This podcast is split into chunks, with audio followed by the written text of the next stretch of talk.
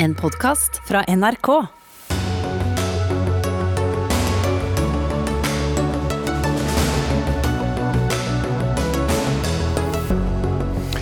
Senterpartiets Marit Arnstad åpner for å skyve på Norges klimamål. Uansvarlig og svekker kampen mot klimakrisen, svarer SV. Rødt-leder Bjørnar Moxnes sier velgere som er for Nato, trygt kan fortsette å stemme partiet, stemme på partiet. Det mener Arbeiderpartiet er noe selvmotsigende. Miljøpartiet De Grønne krever at politidirektøren går av etter en rapport som kritiserte politiet for tvangsmiddelbruk i mindre narkotikasaker. Det er feil løsning på et stort og sammensatt problem, sier Venstre. Og etter 154 år er det slutt. Bergens Tidende trykket i dag sin siste leder på avis. Det er trist. Aviser må jo mene noe, mener veteran som kommer til oss. Ja, slik ser og høres Dagsnytt 18 ut, som i dag går på NRK2, NRK P2 og nrk.no. Jeg heter Espen Aas. Vi starter med norsk politikk. Vi, Senterpartiets parlamentariske leder Marit Arnstad, hadde en liten overraskelse med seg i sin verbale bagasje på partiets landsstyremøte i dag. For i sin tale ønsker hun seg det hun kalte en ærligere debatt om klimamålene, og sa også at og jeg siterer, vi må spørre oss om vi må endre kriteriene for de norske klimamålene eller utsette dem i noen år. Det falt ikke helt i god jord hos forhandlingspartner SV, som vi snart skal høre fra. Men vi må jo begynne med deg, Marit Arnstad. Hva er en ærlig debatt om klimamål? Nei, altså jeg håper jo å beholde klimamålet til 2030, selvsagt gjør jeg det. Og det jeg ville ha en ærlig debatt om, var egentlig ikke klimamålet, men det var elektrifiseringa av norsk sokkel. Fordi det er en veldig viktig del for å oppnå klimamålet for 2030. Og jeg mener jo at vi har hatt en litt lite oppriktig debatt omkring elektrifisering. Jeg tror mange av oss, jeg tror til og med Lars Haltbrekken, mener at elektrifisering fra land til alle installasjoner på norsk sokkel, det kommer ikke til å skje. Altså Det vil gå utover fastlandsindustri og forbrukere på en måte som er helt uholdbar. Og da må du gjøre det med havvind. Og det er jeg veldig for. Men da må vi ikke underslå at det kan komme til å ta litt lengre tid enn det vi tror. Bl.a. fordi Høyre i sin energimelding ikke engang har beregna de samfunnsmessige virkningene av havvind knytta til oljeinstallasjoner. Mm. Så det er noen skjær i sjøen der. Og jeg tror vi trenger en litt mer oppriktig debatt om hvordan vi skal gå fram når det gjelder elektrifisering av oljeinstallasjonene. Men det du sier er gjør vi en liten vridning da, og ikke elektrifiserer de oljeplattformene fra land, så går vi forbi 2030, rett og slett? Nei, det er ikke sikkert vi gjør det heller. Vi kan ha flere alternativ. Altså vi kan både, altså Det er egentlig grunn fire alternativ. Det ene er jo at du diskuterer er det mulig å få fram havvind raskere da, og knytte direkte til petroleumsplattformene. Men som sagt, energimeldinga har jo ingenting om det. De har ikke engang beregna samfunnsøkonomiske virkninger av det. Du kan også si at oljeindustrien er en del av kvotepliktig sektor, og velger å ha en overgangsperiode der du inkluderer kvoter før havvind kommer inn for fullt. Eller du kan velge å trekke inn skogen, f.eks., på en måte som EU har gjort. Men poenget mitt er bare rett og slett at vi har en tendens i norsk klimadebatt til hele tida å diskutere målene, og så er vi for lite oppriktige om alle de dilemmaene som ligger der for å nå de målene. Mm. Ok, Lars Haltbrekken fra SV er allerede introdusert. Kan man ha en såkalt ærlig samtale? Altså Elektrifisering av sokkelen er det jo flere og flere partier som mener vi kanskje ikke bør gjøre slik det er planlagt. Nettopp fordi vi trenger kraft et annet sted, og fordi opptil flere partier jo ikke er så begeistret for strømkabler til utlandet og. Og SV har i mange år sagt at vi må elektrifisere sokkelen med hjelp av havvind. Vi må bruke den eh, jobben som vi skal gjøre med å kutte utslippene fra dem som slipper ut desidert mest i Norge, som en motor for å få på plass havvindsatsinga i Norge. Så dere er helt enig? Ja, vi har hele tida sagt, vi har lenge sagt vi at vi må gjøre dette med havvind. Det kutter utslipp. Det skaper en teknologi som kan gi oss store eksportinntekter, og det er med på å sysselsette verftsindustrien langs norskekysten. Så dette skulle vi ha kommet i gang med for lenge siden. Men vi kan ikke begynne å skyve på klimamålene, som jeg oppfatter at Senterpartiet også gjorde i dag. For da slakker vi på dette tempoet. Da legger vi ikke presset som trengs at blir lagt på oljeselskapene, nettopp for å utvikle og ta i bruk den eh, havvindteknologien.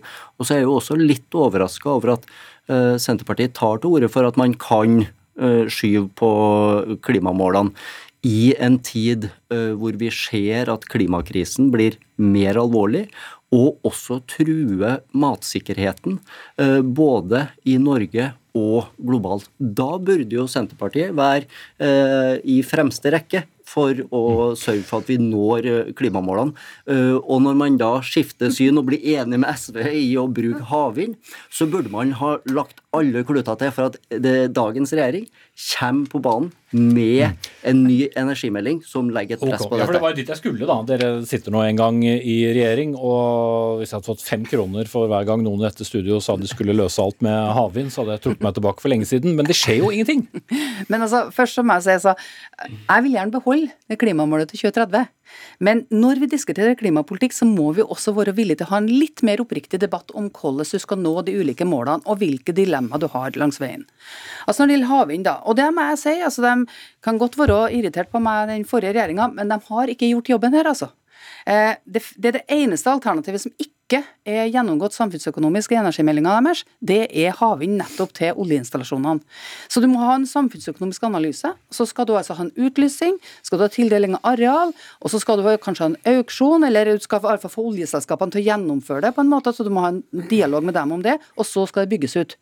Og det er åtte år igjen til 2030.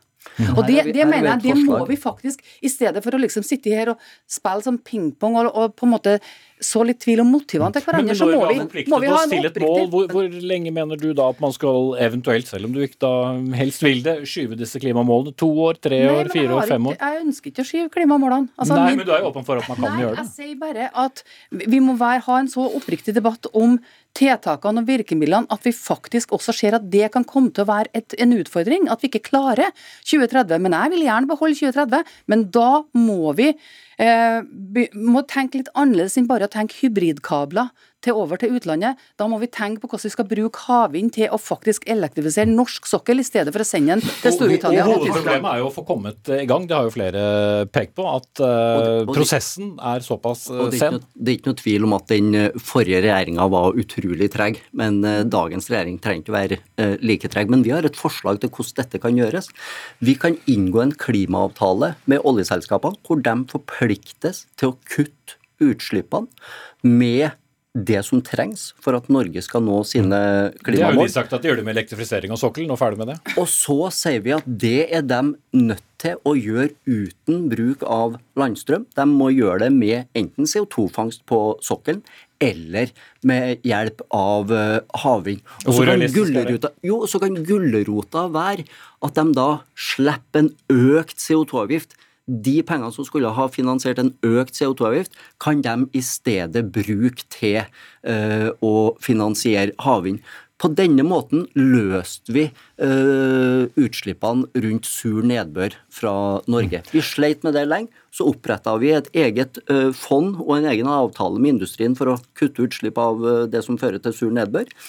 Kjempesuksess. Vi overoppfylte våre internasjonale forpliktelser. Okay, men det, det Historiefortellende så vil jo da oljenæringen si at ja, men så hør nå her, nå har vi jo sagt at hvis vi elektrifiserer sokkelen, så når vi klimamålene, og så endrer dere nå plutselig på, på spillereglene underveis, når det er nettopp det vi har lagt opp til.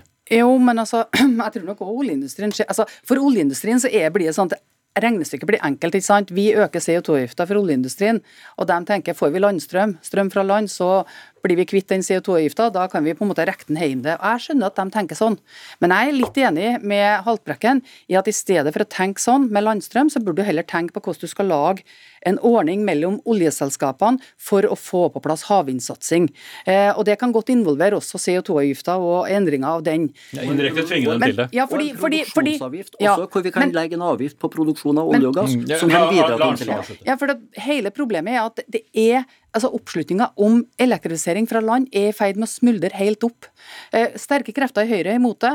Eh, Senterpartiet er skeptisk, eh, kritisk til det. Og Haltbrekken har også sagt i dag at han er kritisk til det. Så da må vi, se på, må vi se på nye løsninger. Og da, da er, Det mener jeg det jeg synes er interessante tanker en kommer med her. Men, men mitt poeng er at i stedet for å på en måte lage sånn pingpong-utspill mot hverandre i partiene, så må vi nå komme i gang med realpolitisk diskusjon om hvordan vi skal gjennomføre det. Ok, Da setter jeg en liten, eh, et lite punktum der. Politisk kommentator eh, Lars Nehru Sand. eh, Ja, som Marit Arnstad akkurat pekte på, det, det skjer noe når det gjelder forholdet til elektrifisering av sokkelen. Derfor er det kanskje ikke helt tilfeldig at dette kom i talen i dag.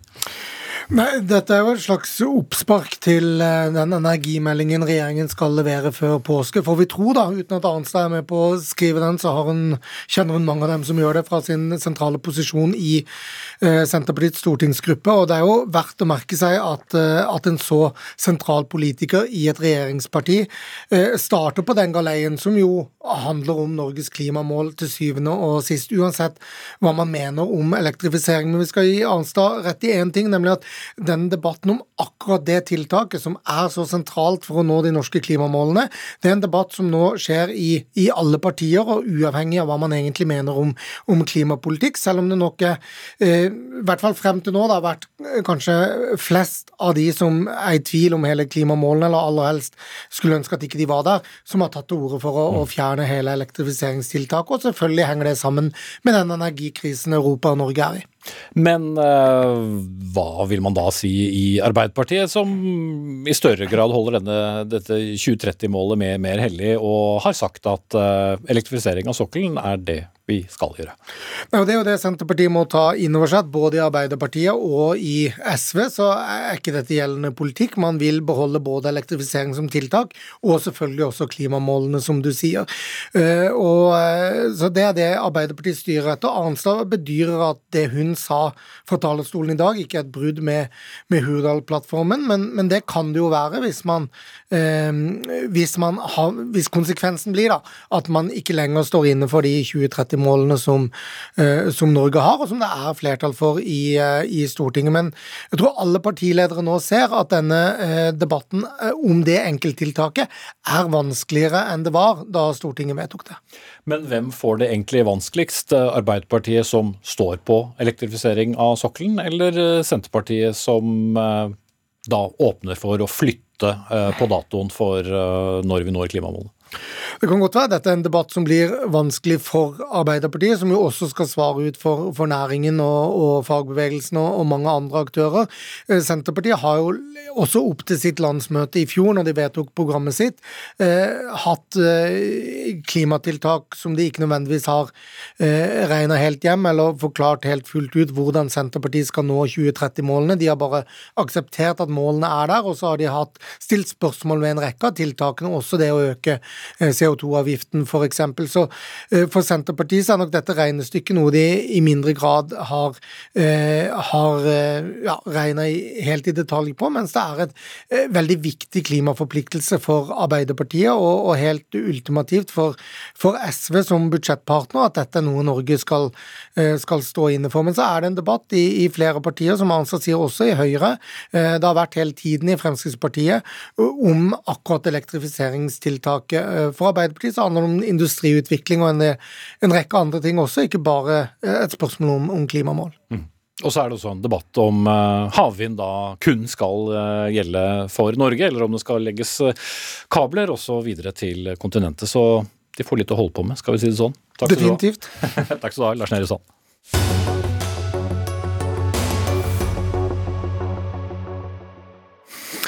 Og mens uh, mange rundt omkring i verden nå krysser uh, fingre for det som kan være opptakten til fredsforhandlinger mellom Russland og Ukraina i morgen, pågår stadig debatten her hjemme rundt uh, et fortsatt Nato-medlemskap. Det vil si mer enn to tredeler av velgerne til anti-Nato-medlemskapspartiet Rødt er tilhengere av at Nato fortsetter å være med i forsvarsalliansen, kom frem i en undersøkelse Norstat nylig gjennomførte for Aftenposten. Men ifølge partiets leder i Stortinget kan dette flertallet av velgere trygt fortsette å stemme Rødt å være for medlemskap. Og dette syns du ble vanskelig, Nils Ole Fosshaug, forsvarspolitisk statsmann for Arbeiderpartiet. Hvorfor det? Gjør dere alt dere har skrevet i partiprogrammet? Nei, det er jo slett ikke sikkert vi gjør. Først så tenker jeg jo at det er 73 år siden Stortinget i morgen voterte over Nato-medlemskapet til Norge. Et medlemskap som har tjent oss godt, og har sikra norsk suverenitet og frihet siden da. Men eh, utfordringa med, med utsagnet at du kan, du kan trygt stemme rødt sjøl om du er for Nato, er i mitt hode en kraftig sjølmotsigelse. Eh, det ene er jo at Rødt vil melde Norge ut av Nato. Eh, en av de viktigste eh, sakene deres i programmet på dette området. Nato er en bjærebjelke i norsk sikkerhetspolitikk.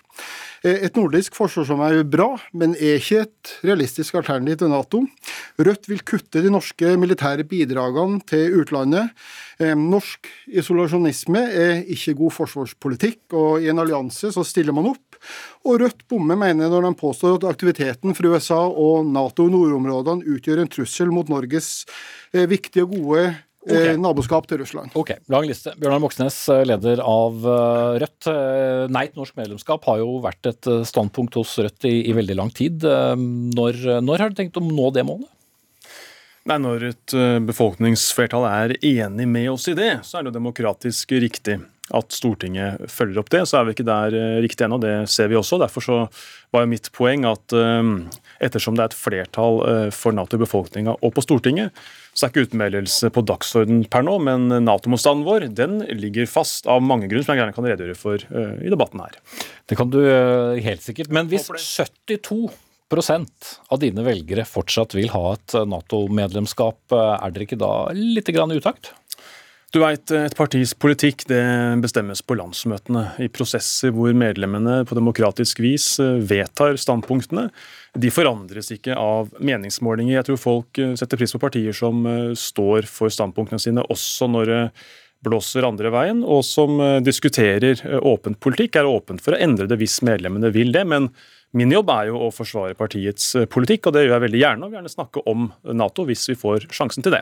Mm. Er det noe rarere enn Nei. å ha et uh, vennligstilt uh, forhold til EU, mens uh, det norske folk ikke vil ha det da, Fossheim? Ja, det er det. Altså, EU-debatten og Nato-debatten eh, opplever ganske forskjellig. Norge har et godt forhold til EU gjennom EØS-avtalen, eh, mens sikkerhetsspørsmålet, der har vi altså Nato som våre sperrebjelke. Det, det, er kanskje et av de mest sentrale spørsmålene et land og Norge kan ha. Hvordan ivaretar vi det samfunnet, den friheten som vi har, og som vi er tjent med godt gjennom Nato. Og jeg tenker at Når et sånn sentralt spørsmål eh, fra Rødts side er sånn nei, vi skal melde ut alt, dette skal vi ikke være med på, så tenker jeg da tar ikke Rødt den sikkerhetspolitiske diskusjonen på alvor. Og jeg, jeg kunne jo tenkt meg å, å hørt hvorfor det ikke er en selvmotsigelse at han går og sier stem Rødt fordi om du er tilhenger av Nato. I mitt hode så, så, skurrer det på et av de viktigste politiske områdene en nasjon diskuterer. Mm.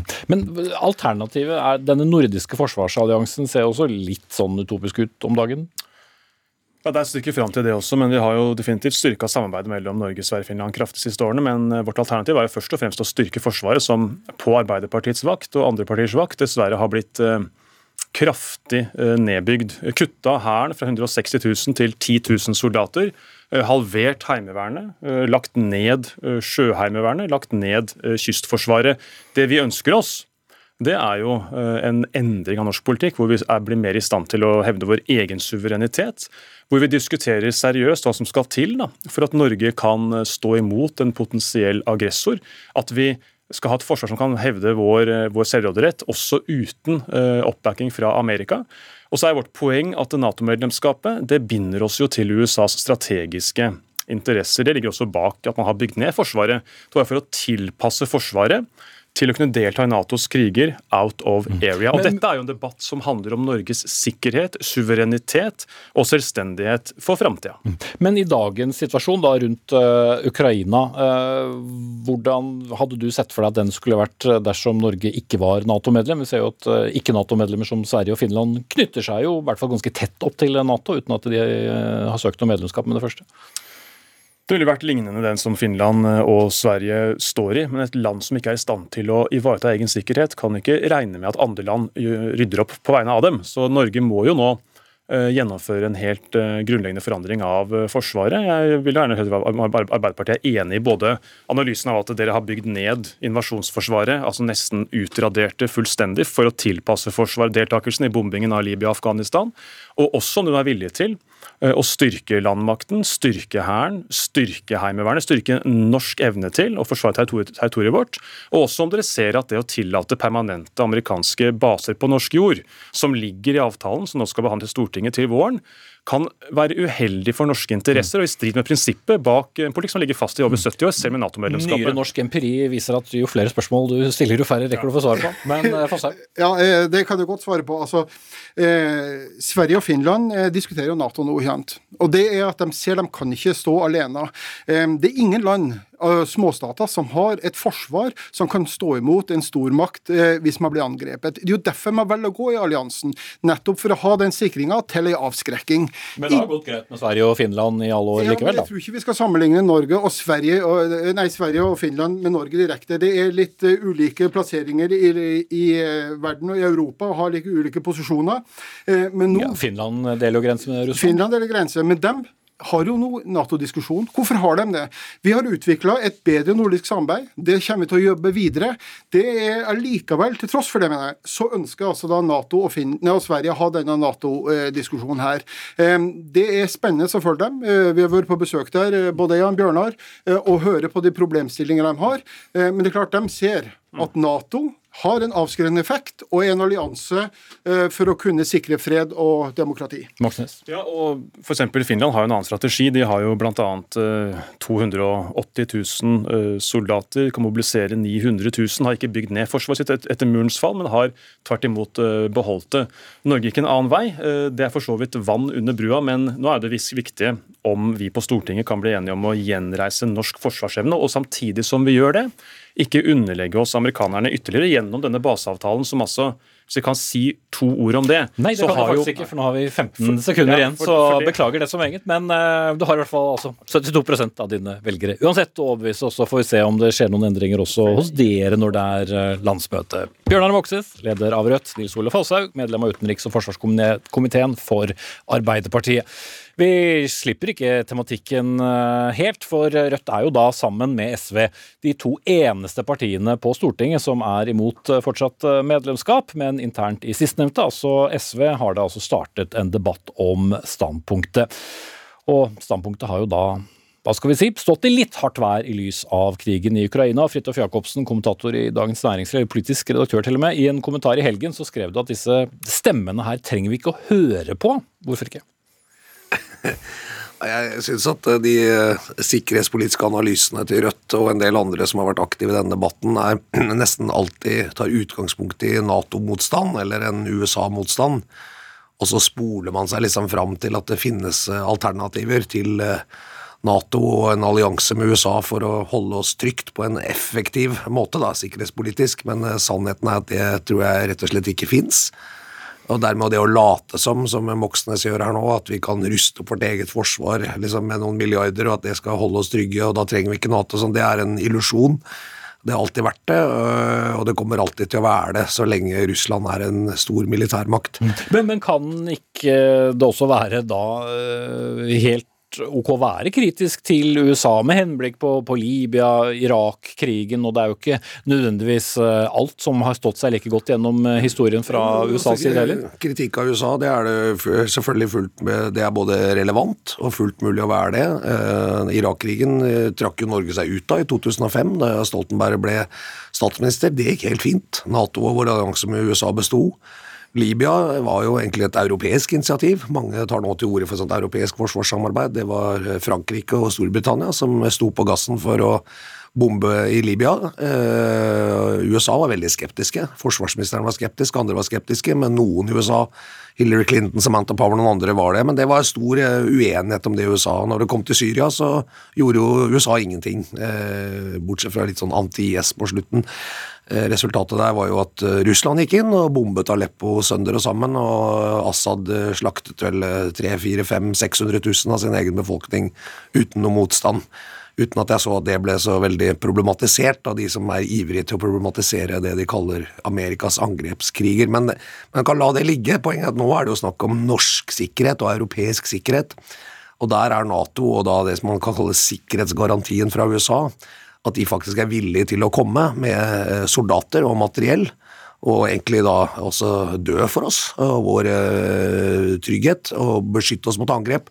Det er en helt grunnleggende garanti for Europas sikkerhet, og det har jo alle de tidligere østblokklandene sett. Polen, Baltikum, Ungarn.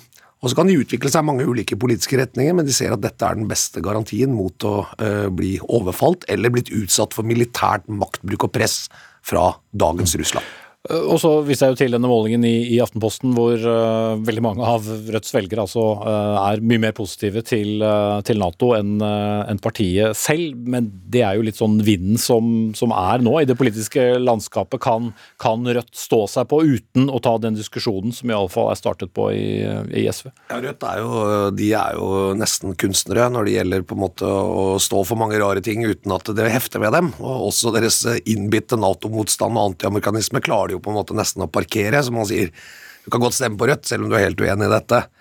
Eh, jeg tror det er litt verre for SV. Jeg ser jo Begge partiene sliter jo nå eh, med dette Nato-standpunktet. I SV er det jo slik at eh, mitt inntrykk at deler av partiledelsen ønsker en reorientering og et aksept av Nato. De har jo sittet til med en regjering hvor Nato-medlemskap var med men de sliter mot hva man sier, en veldig dogmatisk og til tider litt sånn forstokket, vil jeg si, eh, opposisjon, da, eh, eller Nato-motstand i partiorganisasjonen og deler av landsstyret som er vanskelig å komme rundt, som jeg tror nesten ikke er, forankret i virkeligheten lenger. Det er bare at man ser bare rødt eller gult eller svart eller hva det er når man hører ordet Nato kan ikke forlate det standpunktet. Det tror jeg for SV, som prøver å bli et noe mer sånn moderne, offensivt eh, parti, for, også for yngre velgere i byer og sånn, så, så, er det Nato-standpunktet det er problematisk for dem, og, vil, eh, og i denne situasjonen vil det være veldig problematisk. Så jeg tror de sliter med det. Mm.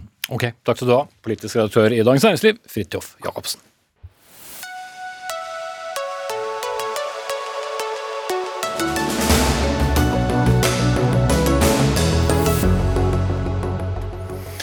Senere i Dagsnytt 18. Du finner dem som oftest på side to, avisenes lederartikler, ikke lettkledde piker. I dag sto den siste på trykk i Bergens Tidende. Gjør det noe, spør vi mot slutten av Dagsnytt 18.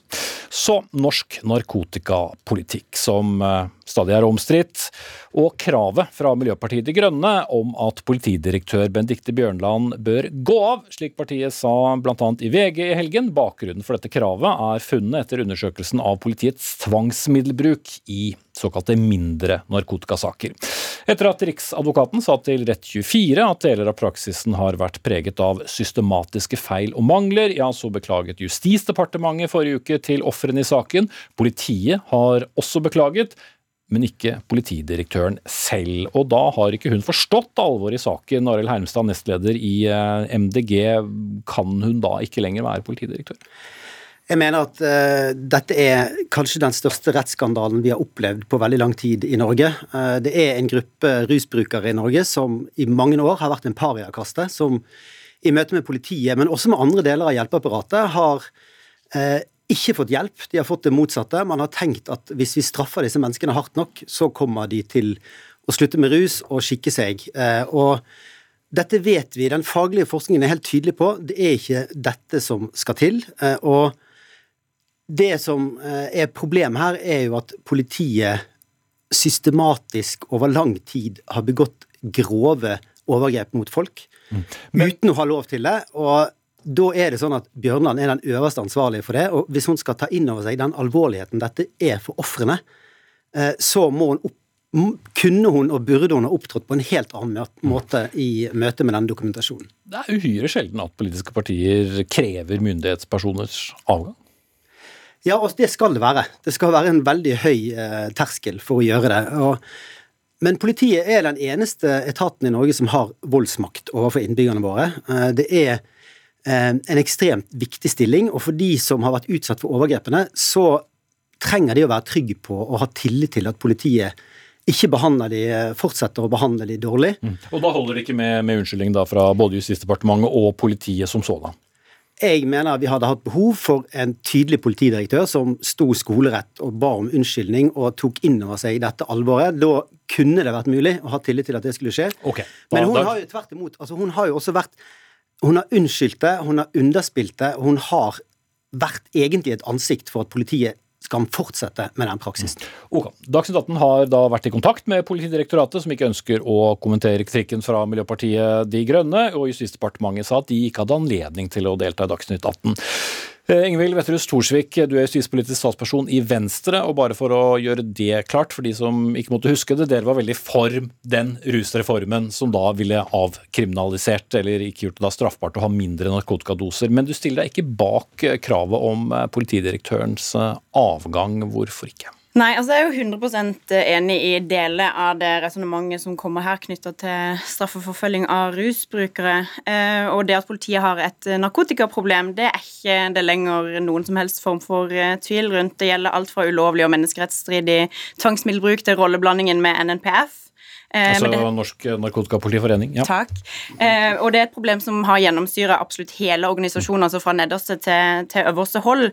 Mens eh, jeg ser på det å kreve politisjefens adgang som en, en, lite, en, for lite virkningsfull løsning på en veldig sammensatt problemstilling. Jeg mener at fokuset skal ligge på gjenoppretning eh, overfor de som har blitt utsatt for denne tvangsmiddelbruken, og at politiet helt åpenbart har en stor, stor jobb å gjøre når det kommer til å, å rydde opp. Men det å på en måte skulle eh, be om avgang avgangen til politidirektøren mener jeg blir sett på som mer som en scapegoat. altså Man lager en syndebukk som igjen vil gjøre, det, vil, gjøre vil gjøre, det, enklere for å vise til henne som at hvis hun går av, så er dette løst. Og det er ikke løst ved at hun går men, av. Så, så du er egentlig langt på vei da enig i kritikken til Hermstad, men du mener at konsekvensen av det skal ikke være at hun går av. Men hva skal hun da gjøre? Nei, altså jeg er jo helt fullstendig er uenige med Bjørnland i hvordan hun omtaler denne rapporten fra Riksadvokaten. Eh, og det ville vært rom for langt mer selvransakelse etter den rapporten enn det som, som hun har utvist. Eh, hun har ikke håndtert den rapporten på en god måte, slik som jeg ser, men det er heller ikke min rolle som stortingsrepresentant å, å kaste henne. Ei heller ville det løst det sammensatte problemet som politiet står overfor. Mm. Ja, Hermstad etter så, så, mye kritikk, og faktisk også at Justisdepartementet kommer med beklagelse, det gir vel en viss føring for videre håndtering av kritikken som kommer i rapporten, eller? Ja, og jeg mener det første som bør skje, er at Bjørnan altså trekker seg. fordi eh, som stortingsrepresentant, som Ingvild da er, eh, og eh, partier på Stortinget, så må vi stå opp for rettsstatens prinsipper. Eh, og her er det så åpenbart at politiet har brutt med det. Eh, det er, dette er en rettsskandale. og Eksempler på dette er jo mange. Sant? At man, eh, man kan gå inn og se på TV-serier, eh, Nattpatruljen, om hvordan politiet i Tromsø tar inn en kvinne som eh, mistenkt for å kanskje ha en brukerdose på seg. Ber hun, altså de, hun strippes fullstendig, må kle helt av seg. De sjekker da kroppens hulrom. De sier at dette er hun nekter hele tiden, og de sier at ja, men dette er prosedyren, og uh, politiet vi liker det heller ikke. Okay, men, ja, det, men det må gjøres. Vi må ikke bruke all tiden på, men, på å beskrive det. Disse eksemplene er såpass grove, og når, Riksadvokaten sier at det kan dreie seg om tusenvis, så er det en så, så stor skandale at dette, uh, når Bjørnland har identifisert seg sjøl med det, og ikke viser noen vilje til å rydde opp i det, så kan jeg ikke forstå at at Venstre har tillit til at hun er den rette personen til å gjøre den snuoperasjonen mm. som politiet må gjøre. Altså Nettopp dette som du trekker fram med denne kvinnen som har blitt, eh, blitt, utsatt for disse ulovlige tvangsmidlene, synliggjør jo nettopp hvorfor det er viktig at vi rydder opp overfor den enkelte som har blitt utsatt for dette. Derfor har Venstre i Stortinget foreslått en ekstraordinær oppreisningsordning for de som har vært utsatt for politiets tvangsmiddelbruk. Mm. Men, men, hvis vi holder oss da til politidirektøren, noen vil jo da kanskje synes det fremstår så pussig at du likevel kan ha tillit til noen som har sittet på toppen av et system som du akkurat har sittet og plukket litt fra hverandre og kritisert? Ja, det, altså Poenget her er jo at her må politiet gis en mulighet til å rydde opp. og jeg tenker at Her ligger ansvaret for å følge opp denne oppryddingen hos justisministeren. Eh, jeg forventer at hun har en aktiv rolle i oppfølginga av opprydding. Så et politisk ansvar hvor hun bør instruere politidirektøren? Absolutt, og i tillegg til at eh, vi kommer også til å følge opp nøye hvordan justisministeren håndterer denne opprydninga. Jeg tror at dette er nok en problemstilling som ikke nærmer seg eh, noe som kan ligne på en løsning før vi får gjennomført en eh, rusreform i Norge. Mm. Ja, Dere skal jo stemme over en eh, allerede i morgen, men ja. det er en helt annen rusreform enn den dere støttet opprinnelig?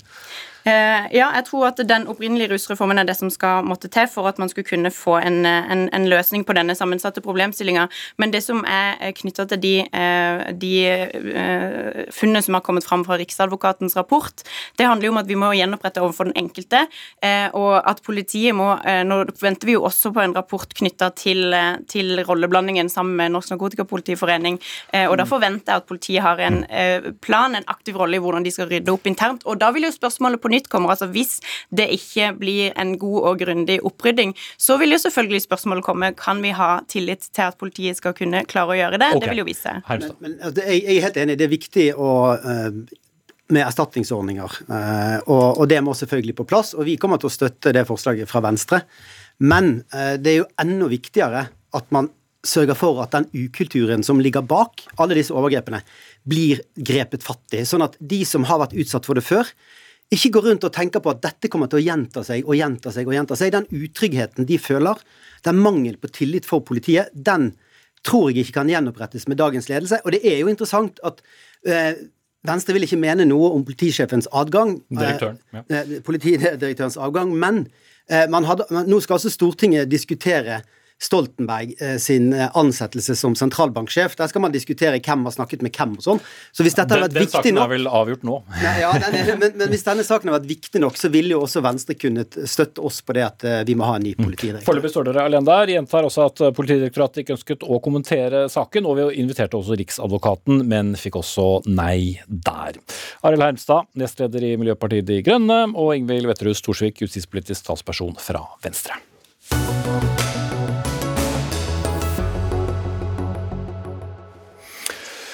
Kontrollen med sikring mot naturkatastrofer den er for dårlig i Norge i dag. Det konkluderte utvalget som skulle se på årsakene til kvikkleirskredet i Gjerdrum i 2020, der ti mennesker og et ufødt barn mistet livet, i tillegg til store materielle tap. Rapporten deres ble presentert i dag. Inge Ryan, du var leder av utvalget. Hva slags konkret kontroll er det vi ikke har i dag? Vi har for lite kontroll med hvor det er kvikkleire. Altså Vi har bare kartlagt ca. 60% av områdene, så vi har et stort behov for å få oversikt over hvor det er. Mm. Men, men, man visste jo en del om f.eks. Eh, området der bebyggelsen ble gjort i, i Gjerdrum? Ja, det er en av de områdene vi har kartlagt ganske godt. Det er jo på, på Romerike og det området her, men det er andre deler av landet der vi har kartlagt for lite. Vi har som sagt 60% kartlagt. Og det bor i dag ca. 110 000 mennesker som vi vet bor på kvikkleire. Og disse områdene er jo gjort mye med opp gjennom årene. Gjort veldig mye godt arbeid. Mm. Men, men, bare for å forstå det, hvorfor er riktig medisin å begynne å se på andre områder, mens noe av problematikken rundt Gjerdrum var at man visste ganske mye om eh, området, at det var godt undersøkt, men likevel så fikk vi denne fryktelige ulykken? Ja, Det er jo fordi at man må se på en del andre ting òg. Vi må se på bl.a. ansvarsfordelinga mellom stat, kommune og grunneiere. Den vi peker på er litt uklar. Eh, på Gjerdum var jo en del bekymringsmeldinger altså i forhold til den bekken som, som det ble erosjon i. Og De ble ikke fulgt opp, og da er det viktig at det blir klargjort hvem har ansvaret når det blir sendt inn meldinger om at her graver bakken seg ned to meter og inn i, i bakkene. Hvem er det som skal følge opp det? Og Det peker vi på i rapporten. Det er jo en svær rapport, dette på 250 sider. Men en av tingene er jo at vi ønsker en ny lov som klargjør mer ansvaret mellom aktørene. Mm. Det vil selvsagt ikke endre noe for de som mistet både sine kjære og alt de eide. Men Terje Aasland, olje- og energiminister fra Arbeiderpartiet, hva gjør dere nå med denne rapporten? Også la meg også aller først si at Det er et uh, tragisk utgangspunkt for denne rapporten, som er usedvanlig viktig. Jeg tror utvalget har gjort en veldig god jobb. Det som er vår oppgave nå, det er først og fremst å gå inn i rapporten grundig. Uh, sende ut på brei høring, sånn at vi får opp uh, og brukt all kompetanse som er rundt omkring i landet. Og får inn de innspillene. Og så må vi konkret følge opp ulike tiltak som vi mener da er riktig ut ifra den helheten som ligger også i rapporten. Det være seg alt fra å gå gjennom ansvarsområdene til å se hvordan vi skal innrette dette og ta stilling til også om det skal komme en ny lov uh, på plass som følge av dette. Men en seriøs og grundig oppfølging av det utvalget er viktig. Viktig at folk klarer å leve trygge liv, selv om de bor på kvikkleire, som som også Inger Ryhan sier. Eh, og det skal de kunne gjøre. De skal være trygge på at hvis de melder fram noen avvik, at det avvika blir eh, håndtert på en trygg og god måte. Store områder rundt Gjerdrum, Romerike, Trøndelag, mange steder er det jo mye kvikkleire. Vil eh, denne rapporten, dersom den blir fulgt, gjøre det vanskeligere å eh, starte større nybygg? Ja, altså, vi mener jo det at hvis, når man holder på med arealplanene, så bør man jo søke å unngå å bygge på kvikkleire. Men det er ikke mulig. Fordi at f.eks. For vei, jernbane og sånn må jo gå på noen strekker som gjør at man må gjennom det. Og likedan er det jo noen sentre som er bygd opp allerede som man vil utvide. Men da er det altså mulig i dag med den uh, kunnskapen vi har, å gjøre disse områdene trygge. Det krever bare en betydelig innsats, og det bor mange på Kvikler i dag som er trygge. Jeg vil understreke det, fordi det er gjort en formidabel innsats av mange gjennom mange år. Mm. Men, men, men, det trodde man jo i utgangspunktet man gjorde i Gjerdrum også? Ja, dessverre så, så, var det et eh, avvik der. Og ikke bare der. Vi hadde det på Sørum, og vi hadde det på Skjeggestad, og vi har hatt det i Trøndelag. Så det er etter vår mening for mange avvik. Og Derfor ble vi bedt om å gjøre denne jobben, altså utvalget bedt om å gjøre denne jobben med å se på hva skal vi gjøre for at eh, en, en god forvaltning av kvikkleira blir mye bedre. Og Det er det vi har gjort i denne rapporten. og vi mener at Hvis disse tiltakene blir fulgt opp, så skal det være trygt å bo i Norge uansett hvor man bor. Mm. Og, eh, ja, Trygg og grundig eh, gjennomgang, Aasland, men mange vil vel ønske seg også at det blir konkludert på hva i rapporten dere går videre med? Ja, og det kommer vi jo til å gjøre når vi har gått inn i rapporten. Så er jo vår hensikt nettopp å konkludere på de områdene som eh, utvalget eh, tar opp, eh, og gjøre den analysen vi skal gjøre. Og så er det viktig da å prioritere vårt arbeid også i fortsettelsen. For det er store oppgaver som ligger i utvalgets eh, anbefalinger her. og Når en får gått gjennom det, så må vi også kunne prioritere. og Det, det som er viktig og det som må være førende, det er at folk er trygge på, på situasjonen, og at det de eventuelt melder inn, at det blir fulgt opp på en god måte. Mm. Men, men hva skjer i mellomtiden? Altså, eh, Det er jo mange kommuner som allerede har da delvis eh, store boligfelt på eller ved kvikklæreområdet. Kommer det til å da følge gjeldende regelverk, og så kan noe annet eh, vedtas i bakkant? Hvordan eh, vil dette fungere? Da tror jeg i utgangspunktet både kommuner, NVE og uh, mange ulike kompetansemiljøer jobber godt i forhold til det å etablere trygge boområder for folk. Uh, og så er det klart at Det som har kommet fram i rapporten, og som rapporten tar opp i seg, det skal vi gå grundig inn i. Og så må vi finne tiltak for oss å Eh, unngå at den type hendelser kan skje i ettertid. Mm. Hvor omfattende skal denne kartleggingen da være, Inger størstedelen, størstedelen av, Norge er jo langt fra bebygget, selvsagt. Ja, altså det, det, er flere dimensjoner her. men for det første så er En del av den kartlegginga som allerede er gjort, den er for dårlig. Altså I dag så har man nye metoder, man har ny kunnskap. Det gjøres veldig mye på, på universiteter, i NGU, NGI osv. Eh, som er fagmiljøer. Så I dag så har man egentlig mer kunnskap og mer eh, kompetanse til å få lagt bedre kart for de områdene som allerede finnes. Det er nå én bit. Men så er det noen områder som i hele tatt ikke er kartlagt, og det mener vi også man bør kikke på. Fordi at Alt som er under marin grense kan det være kvikkleir, men vi vet at det områder der det ikke er kvikkleir. og Da er det greit å få kvittert ut det. Her er det ikke kvikkleir, så det er ingenting å bruke energi på. Men der det blir påvist kvikkleir, og der det blir påvist kvikkleire kombinert f.eks. med skråninger, så må man sette inn innsatsen der og si at her må vi sette inn tiltak for at det skal være sikkert å bo, og at folk kan være sikre på at de legger seg om natta, så er det ikke noe fare for at det skjer en sånn naturfare. Mm. Men hva bør kommuner som uh, har områder under uh, utvikling hvor det skal Eh, vedtas eller godkjennes eventuelle søknader, gjøre det vakuumet, da, om du vil, som er frem til, eh, til regjeringen og etter hvert eh, Stortinget blir enig? De, de, bør jo for det første, hvis de holder med arealplaner, se på om det finnes muligheter for å bygge andre plasser. Det er nå en bit. Men når de først bygger på kvikkleire, så er jo å ha god dialog med NVE, som er en fantastisk uh, sterk faglig organisasjon. Eh, og, og leie inn nødvendig kompetanse for at man, før man da uh, flytter folk inn i disse områdene, at man er sikker på at man har gjort det rette. Det er det ene. Og hvis, det andre er jo det at man eh, informerer innbyggerne om at hvis de ser noe som er bekymringsverdig, altså at et hus begynner å sige eller en bekk begynner å grave, eller hva det måtte være, at det da meldes inn til kommunen, og at kommunen da i dialog med NV går inn og kikker på dette, og det er ting vi må ta tak i. Okay. Ja. Setter strek der. Inge Ryan, leder av Gjerdrum-utvalget, og takk også til Terje Aasland, olje- og energiminister fra Arbeiderpartiet.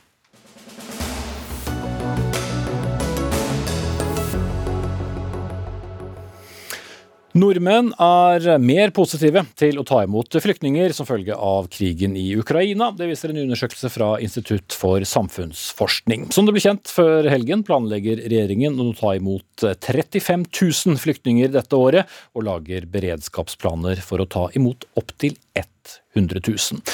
Også i Europa foregår en mobilisering for å ta imot flyktninger på best mulig måte. I dag har innenriks- og justisministrene i EU møttes for å diskutere situasjonen. Vi skal til det snart, men Jan Pål Brekke, forskningsleder ved Institutt for samfunnsforskning, det er dere som står bak denne undersøkelsen.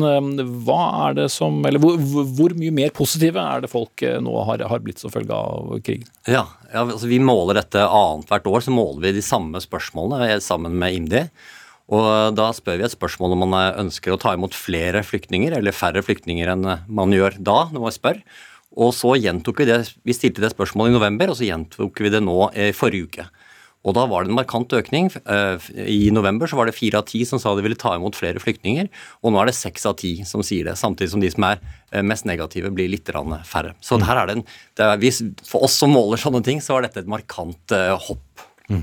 Hvis vi uh, ser dette opp imot 2015, eh, som var uh, sist gang hvor det var en stor flyktningkrise i Europa, mm. hvordan kan de to, sammenlignes? Ja, Vi tenker at det er, en veldig, det er, et viktig poeng her å ta med seg, nemlig at den gangen så hadde man en veldig positiv innstilling i den norske befolkningen lenge, og i media og hos politikere. Og så var det et, på et punkt hvor det, stemningen skiftet.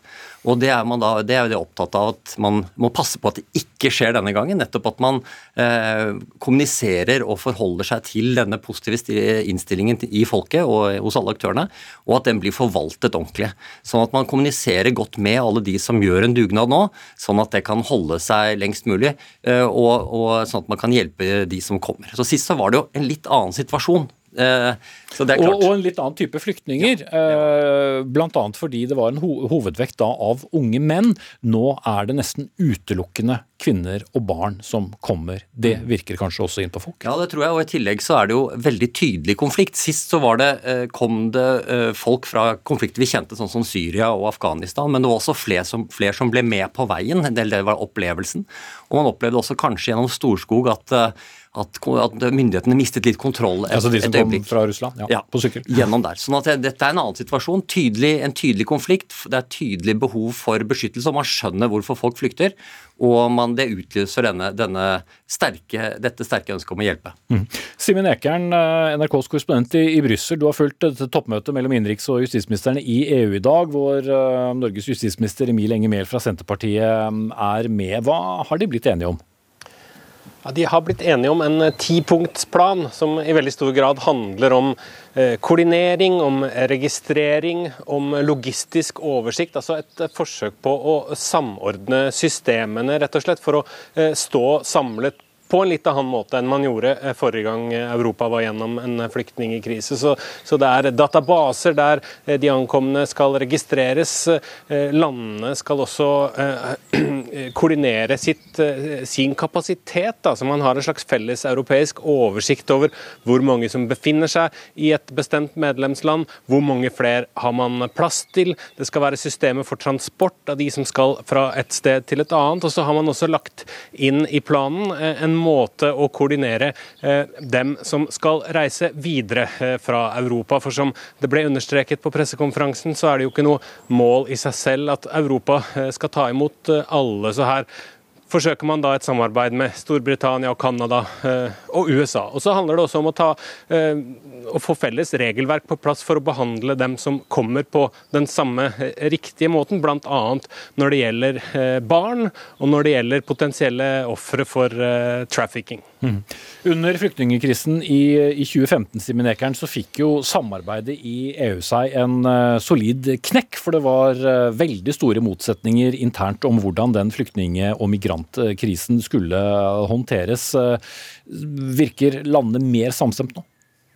Vel, Landene virker iallfall nokså samstemt i at det er en situasjon man på ingen måte ønsker å vende tilbake til, for alle vet både eh, de menneskelige og de politiske konsekvensene av at et sånt samarbeid ikke fungerer. Nå er det jo viktigere enn noensinne kanskje også å ha en slags eh, utad eh, holdning om at dette Eller signalisere enighet, da. Det, det er avgjørende. Så, så dette systemet eh, som man setter på plass nå, er vel ett skritt på veien, men det er klart, det gjenstår jo også å se hva som skjer med det systemet når de virkelige diskusjonene om hvem som syns de har tatt for mange, eh, eh, kommer, og hvem som kanskje kunne ha tatt flere. Og det var jo der eh, man fikk en del Eh, opphetet debatt sist gang. og Den floken er jo ikke løst, selv om dette systemet som er satt opp da vil gjøre det eh, enklere. Eh, er jo iallfall målet å, å, se nøyaktig hvem som er hvor, og hvilke EU-land som har hva slags kapasitet. og Det kan kanskje gjøre den eh, mellomstatlige diskusjonen om hva som er situasjonen i de ulike landene, eh, litt Eh, enklere. Men det er klart det er jo en bekymring i EU uansett hva slags system man setter opp. Hvis tallene blir så høye som enkelte har spådd, så uh, kombinert med at økonomien i EU-landene blir dårligere, at folk blir mer bekymret for sin egen framtid osv., så, videre, så er det jo ikke gitt at solidariteten i EU holder seg på det nivået som, som, som man jo har sett i mange EU-land, at i utgangspunktet så er veldig mange veldig positive til til å hjelpe og til å ta imot flyktninger. Men, men den utfordringen gjelder jo i høyeste grad i alle EU-land. Hvordan kan vi klare å bevare eh, den eh, entusiasmen, den viljen eh, til å hjelpe? og og, det er klart, Her kan det komme harde politiske kamper på sikt, uansett systemer. Jan Pål Brekke, til slutt kort. Hvor viktig er det at det er et godt EU-samarbeid også for Norges del?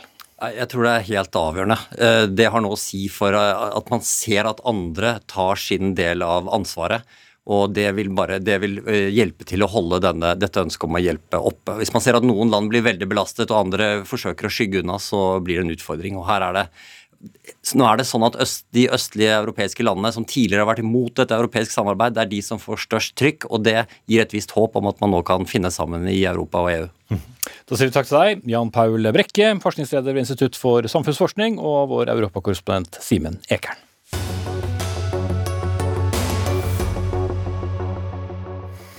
En av eh, landets største abonnementsaviser, regionavisen Bergens Tidende, slutter med daglige lederartikler fra og med i morgen. Avisen, som omtaler seg selv som liberal og borgerlig, men partipolitisk uavhengig, bryter dermed ifølge seg selv en 154 år gammel historie. I stedet skal, vi, skal disse dukke opp når vi har noe viktig å melde, skriver dere på lederplass i dag, politisk redaktør Eirin Eikefjord. Eh, har dere ikke noe viktig å melde hver dag? Det har vi. Og dette er jo egentlig ikke en veldig dramatisk endring. Det vi sier er jo at vi skal forholde oss til lederartikkelen på samme måte som vi gjør med all annen journalistikk. Altså, når vi har noe å skrive, så skriver vi en leder. Og vi skriver ikke for å fylle en fast spalte i papiravisene. Det er jo det som er det sentrale. Det er nyhetsbildet som skal styre, ikke eh, det at vi må, må fylle sider. Men hvordan skal dette fungere i praksis? Eh, kan det da plutselig poppe opp en, en leder da i digitalutgaven deres som en aktuell sak, som man da må lete seg frem til, eller hvordan skal dette fungere? Lederne blir jo skrevet på samme måte som før, fronta på vår nettside og, og lagt i papiravisen. Eh, så det vil jo i praksis ikke være noe veldig stor endring. Prinsipielt så forholder vi oss til lederen på samme måte som før. Vi mener at lederen er viktig, den har en maktkritisk funksjon. Den setter viktige saker på agendaen, eh, og det kommer vi ikke til å slutte med. Så dette er jo ikke noen sånn snikavvikling av lederen. Altså Hvis vi ville kutte ut lederen, så hadde vi gjort det. Det vi nå gjør, er å si at den kommer ikke nødvendigvis hver dag i papiravisen, men vi vil skrive ledere veldig ofte, og sannsynligvis eh, nesten hver dag. Frode Rekve, ansvarlig for frie medier ved Institutt for journalistikk, og selv tidligere avisredaktør. Dette likte du dårlig? Ja, jeg syns det er veldig trist. Og eh, du tar vel ikke bort noe som er viktig. Jeg tror eh, lederartiklene i norske lokalaviser og regionaviser og nasjonale aviser er viktigere enn noensinne. Jeg forstår ikke hvorfor de skal tas bort i disse tider, da eh, eh, sosiale medier tar kraftig over, og som da ikke er redaktørstyrt. Og så er vi så heldige her i landet at vi har mange aviser, mange meningsbærere, som slutter seg til redaktørplakaten og, gir, og driver debatten fram i lokalsamfunn og på nasjonalt plan. Og så slutter man med det. Hva i all verden er vitsen med det? Men må den, må den stå på trykk på side to, som det ofte er hver eneste dag i papiravisen? Ja, spør du meg, så syns jeg at det er syns jeg er veldig viktig. At, eh, at, eh, det er mange som fortsatt holder papiraviser, selv om eh, økningen er størst på elektroniske medier, og særlig da på mobiltelefon og, og nett. Men Papiravisen blir lest, og jeg skjønner ikke hvorfor skal lederartikkelen tas bort fra papiravisen når den da skal være der elektronisk. Jeg tror dette er et skritt i gæren retning, hvor uh, lederartiklene blir mindre og mindre viktige. De bør bli mer og mer viktige. Mm. Det er det, det som er saken. Jeg er helt uenig i dette. Men jeg tror jeg bare må rette opp den misforståelsen. Lederartikkelen skal ikke tas bort fra papiravisen. Men den skal ikke være bundet av at det kommer en papiravis. Det er liksom det sentrale her. Så det er veldig, veldig, viktig å si at vi kommer til å fortsette å skrive ledere. Du vil fortsatt finne dem på side to i avisen. Innimellom. Ja, når det er noe viktig å melde. Når nyhetsbildet tilsier at vi skal skrive leder, så gjør vi det. Eh, og så er det viktig å huske på at Lederen ble jo til i en helt annen tid. Det har skjedd veldig mye med journalistikken siden 1800-tallet. Og det er jo, eh, Dette er jo et forsøk på å trekke lederen med seg inn i en moderne medietid der nyhetshjulet på en måte går kontinuerlig. Det skjer ting hele tiden. Vi publiserer ikke lenger én gang til dagen, sånn som vi gjorde før. Og Det tenker jeg at lederen òg har godt av å tilpasse seg. Mm. Rekve. Ja, lederen kan tilpasse seg, sier du. Altså, eh, det bor mye kraft i en lederartikkel i en avis. Eh, jeg kan eh, sjøl fortelle om hvordan det var da vi i den lille lokalavisa Halden Arbeiderblad begynte å rette søkelyset mot Arbeiderpartiet i Halden. Da gikk det ikke lang tid. Og jeg skrev en god del lederartikler om den journalistikken vi drev, før jeg fikk sparken. Og det førte da til Pga. mine lederartikler, ble det sagt. Og, og det, det, førte til at folk i Halden sa opp avisa. Annonsørene sluttet å annonsere, og til slutt var det ikke meg, men styret som måtte gå. Så lederartikler er viktige. Ikke det at de bare var viktige, viktige for meg personlig den gangen, men det var et godt eksempel på hvor viktige og kjærkomne gode ledere, eh, eller, eller meningsbærende ledere, er for lesere, enten det er på papir eller i elektroniske medier. Mm. Derfor så syns jeg det er et feil signal du sender beklager, eh, når dere reduserer viktigheten av det og reduserer den og tar den bort fra papiravisene. Ja, Ekkefjord, hvor interessert er leserne deres i disse usignerte lederartiklene? For der står det jo aldri hvem som har eh, skrevet det. Det kommer jo helt an på hva vi skriver om. Og det er jo litt av poenget med dette òg, at vi skal bruke tiden og ressursene på å skrive gode ledere som når bredt, som er maktkritiske, som fyller den funksjonen de skal ha, og kanskje litt mindre tid på de lederne som vi skriver fordi vi må. Eh, og så er jeg jo enig i at sånn, den, Lederen har fortsatt en funksjon i Bergens Tidende. Vi syns fortsatt den er viktig. Den er eh, et sted der man kan være maktkritisk og snakke til institusjoner. Det kommer vi til å fortsette med. Bergens Tidende kommer ikke til å slutte å være en meningsavis, verken på kommentar eller lederplass. Men vi kommer altså til å løsrive oss fra den papirstyrte medievirkeligheten. Mm. Men eh, gjør det da så stor forskjell, siden dere har valgt å gjøre et poeng av det på Nei. lederplass? Nei, absolutt. Jeg tror at veldig få vil merke noe særlig til dette. Men siden det er en del lesere som forholder seg utelukkende til papiravisen, så er det jo viktig for oss å kommunisere ut til de at de ikke nå hver dag vil finne den der. Mm, men likevel eh, oppfordrer de dere andre dagsaviser til å gjøre det samme? Nei, det må de styre sjøl. Ja, men det står det i lederen. Nei. Frode Rekve, eh, tror du at det er starten på slutten for lederartikler? Morgenbladet var jo de som startet dette, som da ikke er en dagsavis, for et par år siden. og Da begynte også debatten, og du var veldig imot det den gangen. Altså, Jeg eh, er redd for det. Eh, det er, en, det er veldig bra. Jeg er helt enig med, med, med politisk redaktør i Bergens Tidende om at signerte artikler er viktige. Det ser vi jo i hele den meningsbærende pressen i Norge og i stort sett alle aviser. Men den usignerte, autoritære eh, uttrykket for avisens syn i en rekke saker, og, jeg, og, aller helst da daglig, slik jeg mener, det er veldig viktig. Og jeg syns det er trist. Jeg syns det var veldig trist da Morgenbladet sluttet. Nå slutter Bergens Tidende. Hvem og jeg må dessverre bryte av deg, Frode Rekve, for tiden er eh, ute. Vi får se hvordan det hele leder an. Ansvarlig for dagens sending det var eh, Gro Arneberg. Eh, Eli Kyrkjebø tok seg av det tekniske. Jeg heter eh, Espen Aas. I morgen er Sigrid Solund på plass med ny sending. Takk for nå.